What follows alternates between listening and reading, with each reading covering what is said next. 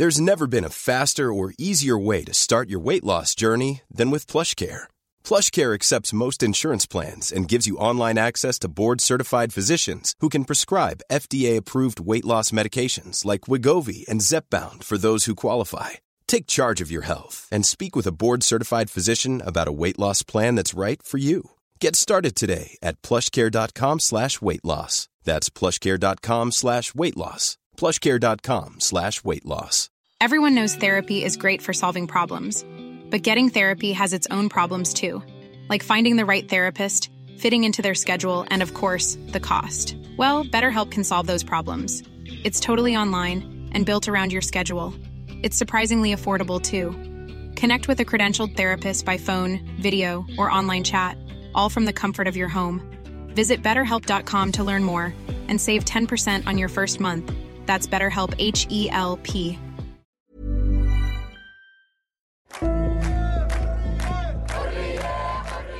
يعني ما فكرش إنه كان في إشي شبيه لشو عم بصير إسا من سنة الألفين الانتفاضة الثانية لليوم وفي أشياء ما صارتش من وقت الحكم العسكري يمكن اللي عم بصير بالداخل اليوم صراحة إيه، مشاهد اللي عم بتذكرنا بصور كنا نشوفها من الانتفاضة الأولى والثانية امشي بشوارع كتيرة بتلاقي علم فلسطين بعده مرفرف إيه، على شارات المرور وبتلاقي أثار المواجهة على الشارع. كثافة الأعلام الفلسطينية والشعور إنها بتمثلني وبدي إياها يعني متواجدة في هاي الكمية وفي كل عمود وفي كل زاوية بدي أحط العلم. الحراك هذا أنقذنا. أنا بسميه أنه أنقذنا من أنفسنا أنقذنا من الحالة المتشرذمة اللي كنا فيها. في حالة فيها اللي فلسطين عم تتوحد. فلسطين عم تتوحد على الأرض. بالشارع مش بقرار سياسي عم تتوحد بالمناسبة. وعم يوحدها القمع الإسرائيلي.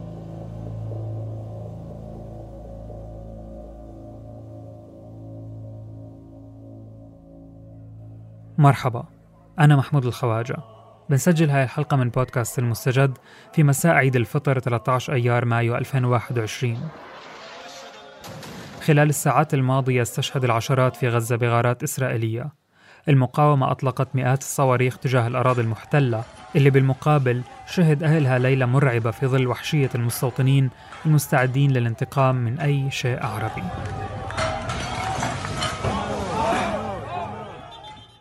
بآخر حلقتين من المستجد حكينا عن حي الشيخ جراح المقدسي اللي بواجه خطر التطهير العرقي وسطو المستوطنين على عدد من منازل الفلسطينيين فيه. حكينا كمان عن اقتحامات المسجد الأقصى الأخيرة اللي استدعت دخول المقاومة في غزة على خط المواجهة مع الاحتلال. في حال ما سمعتوا الحلقتين رح نترك روابطهم في الوصف. اليوم نحكي عن فلسطين 48 في أواخر رمضان طلعوا الفلسطينية في أراضي 48 للشوارع في حالة غضب استثنائية تخللها حرق للإطارات إغلاق للطرق الرئيسية واستهداف لمراكز الشرطة الإسرائيلية ومرافق ممتلكة للصهاينة. هذا مطعم اوري بوري يا جماعة. اسمه مطعم اوري بوري. هذا مطعم كثير مشهور بعكا زي ما أنتم شايفين ولا شباك صاغ. وانحرق. بعد يوم واحد انفجرت حالة الإجرام والعنصرية الصهيونية تجاههم. التحريض ضد الفلسطينية فظيع وبكل مكان في الشارع وفي الإعلام وفي الخطابات الرسمية وما في نية حقيقية لردعه. الموت للعرب. هاي الجملة اللي بتطغى على هتافات المستوطنين في الشوارع. في يافا واللد وحيفا وعكا وطبرية كانوا المستوطنين جاهزين لمهاجمة محلات فلسطينية الداخل سياراتهم وأحيائهم بشراسة. وبغطاء وتواطؤ من المؤسسة الأمنية الإسرائيلية. جماعات يمينية يهودية عم بت عم تعلن مظاهرات و... واقتحامات لأحياء فلسطينية ولبيوت فلسطينية بالمدن المختلطة أو بالقرى الفلسطينية برضو المدن الفلسطينية المش مختلطة عم بيحاولوا يدخلوها. لما شحادة ناشطة ومدونة كانت في حيفا في الشارع خلال الأيام الماضية. وهدول الجماعات عم بيكونوا محميين من البوليس. يعني عم بيجوا بصيحوا الموت للعرب بصيحوا دوروا لنا على العرب بدنا نمسكن بدنا نقتلن يعني حكي إجرامي. جماعة هي حيفا عسا هاي شارع يدخك سديه تحت مدرسة الروم. طلعوا الحالة. هلا رح يطلعوا البوليس كيف ماشي معهم. المستوطنين اجوا أجوا يواجهوا مظاهرة كانت موجودة. المظاهرة طبعا الشرطة فرقتها خلال خمس دقائق كانت صارت بلشة عنف. برضه بالقنابل ورصاص المطاط. وبهذا الوقت اللي إحنا عم نتعرض فيه لضرب كان في عشرات ماشيين بالشارع يصيحوا الموت للعرب وبدنا عرب وبدنا نقتله وضربوا شباب وجرحوهن وأذوهن. فهذا اللي عم بصير وكأنه هجوم ثنائي. اللي ممنوع يتسمى لا حرب أهلية ولا ولا مواجهات بين شباب. هذا اسمه حرب إسرائيلية علينا. شفنا مساهمات على منصات التواصل الاجتماعي اللي بتنبه من استخدام الإعلام اللي بيدعي الحيادية لتعبيرات مش دقيقة في تغطية اللي بيصير. كان واحد من هاي التعبيرات مصطلح الحرب الأهلية. غيرها مصطلحات بتساوي بين الطرفين الإسرائيلي والفلسطيني المستعمر والمستعمر أو بتشرع الانتهاكات الإسرائيلية أو بتركز جهودها ونشرها على أي مظهر عنيف في النضال الفلسطيني. أما على صعيد الإعلام الإسرائيلي فالمساحة مفتوحة مباشرة للتحريض.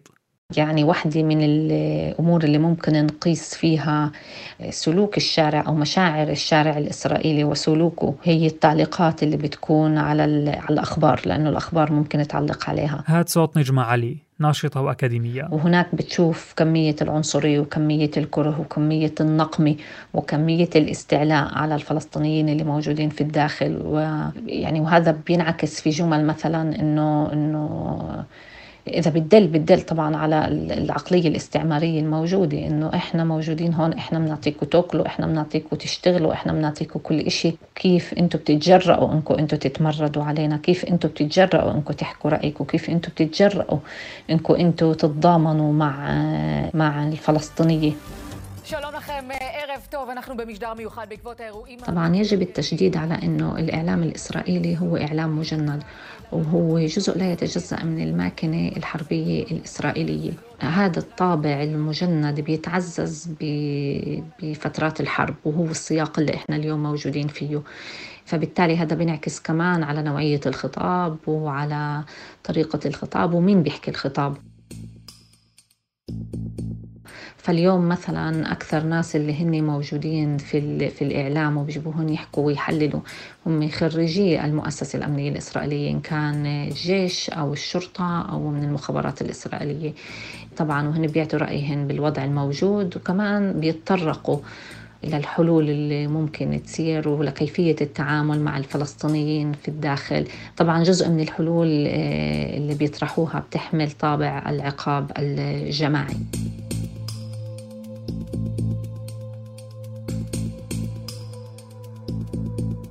اللي موجود اليوم هو مجتمع مستعمرين مسعور. هون نسمع من حلا مرشود ناشطة وباحثة من حيفا. مجتمع مستعمرين مرتبك فقد السيطرة.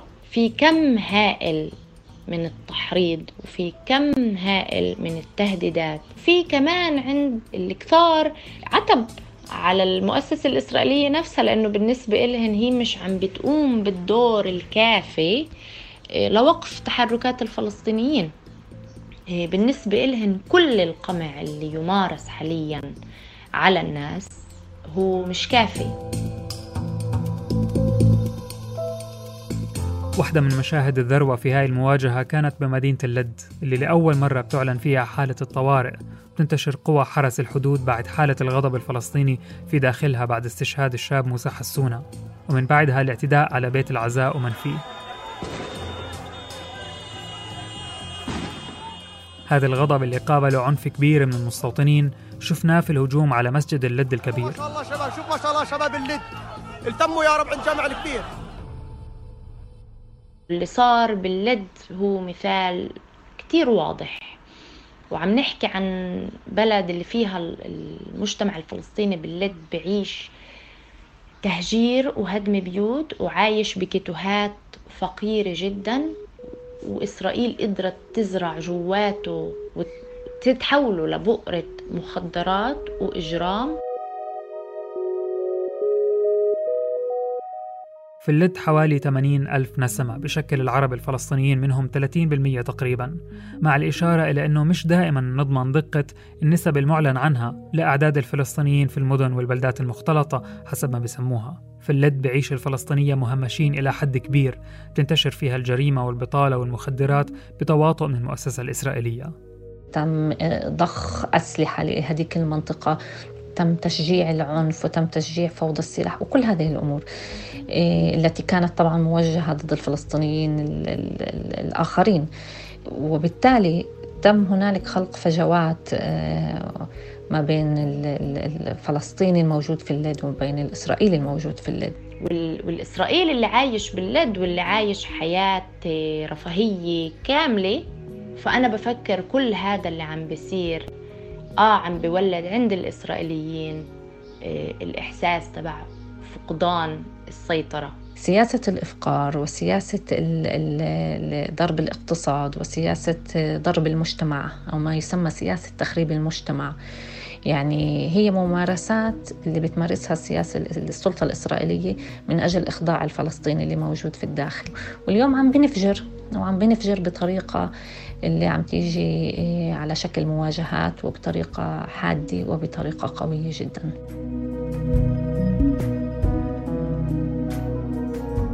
صحيح في خوف كبير من الثمن اللي ممكن يندفع مقابل كل هالتحريض خصوصا إنه ما حدا بيعرف شو يتوقع. بس بنفس الوقت في مشاعر فياضة وثقة عالية بهاي الفترة عند الفلسطينيين لما يشوفوا المواجهة موحدة على كتير أصعدة وبكل مكان ضد منظومة الاستعمار الإسرائيلي في هاي الحلقة سألنا ناشطين وناشطات من فلسطينية 48 عن مشاهداتهم وانطباعاتهم هل لازم نتفاجأ من الغضب في شوارع المدن المحتلة؟ هل بنفع اليوم نفصل فلسطين الداخل عن القدس والضفة وغزة؟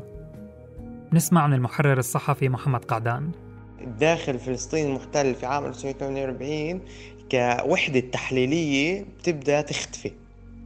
بتصير بتصير فلسطين كاملة التاريخية هي ترجع كوحدة تحليلية. الوحدة التحليلية الجديدة شو عم بيصير بفلسطين؟ ومواجهة واشتباكات وتظاهرات واحتجاجات على أساس كوننا جزء من كل هاي لحمة الشعب الفلسطيني والأرض التاريخية للشعب الفلسطيني.